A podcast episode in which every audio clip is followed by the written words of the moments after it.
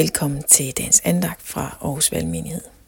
Vi læser i dag fra Romerbrevet kapitel 6, vers 20-23, og det er under overskriften Følger og Fremtid, for vi er nu på den anden side af jul. Vi er måske for nogen stadigvæk midt i julefejring, men vi har i hvert fald fejret, at Jesus han blev født. Men vi læser nu fra Romerne 6, der står sådan her. Dengang I var syndens trælle, var I frie over for retfærdigheden. Men hvad fik I da? Frugter, som I nu skammer jer over, de ender jo med død. Men nu, da I er blevet befriet fra synden og er blevet trælle for Gud, får I den frugt, at I helliges og til sidst evigt liv. For syndens løn er død, men Guds nådegave er evigt liv i Kristus Jesus, vor Herre. Amen. Så fra Romerbrevet her, der ser vi nu, der er et før, og der er et efter. Der er et liv i slaveri og et liv i frihed. Der er døden, og der er livet. Det er altså kontrasterne, der rulles op for os her, tre dage efter vi fejrede Jesu fødsel, og vi sang et barn er født i Bethlehem.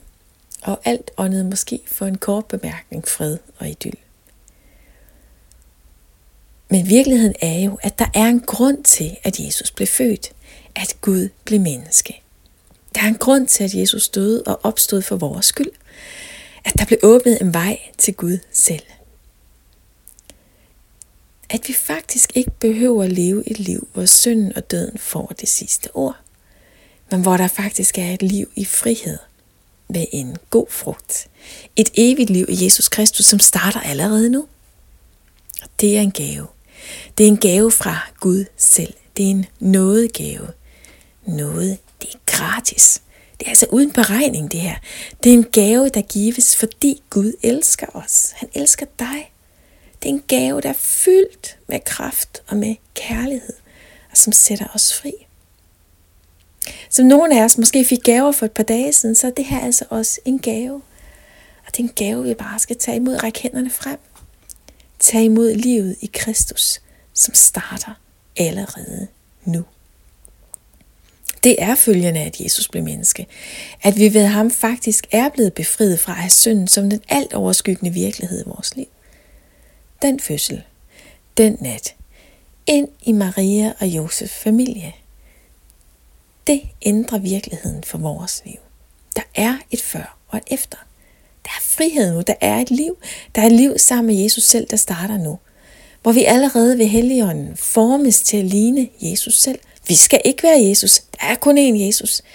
Men når vi lever tæt på ham, lader Helligånden fylde os, så vil der vokse god frugt frem, som andre kan plukke, som andre kan smage. Smagen af Gud selv. Så barnet i krybben, Gud i menneskeskikkelse. En sårbar kærlighedserklæring fra Gud selv. Han er gaven, der bliver ved med at give. For Jesus er gaven fra Gud selv for han er Gud selv. Lad os bede sammen. Ja, himmelske far, tak for den gave, den nåde gave, du har ragt til os i Kristus Jesus. Tak, at livet med dig må starte nu. Og tak, at vi må gå fra død og ind i livet. Tak, at døden ikke har det sidste ord men at det er dig i Jesus Kristus, der har det sidste ord. Det evige livs ord.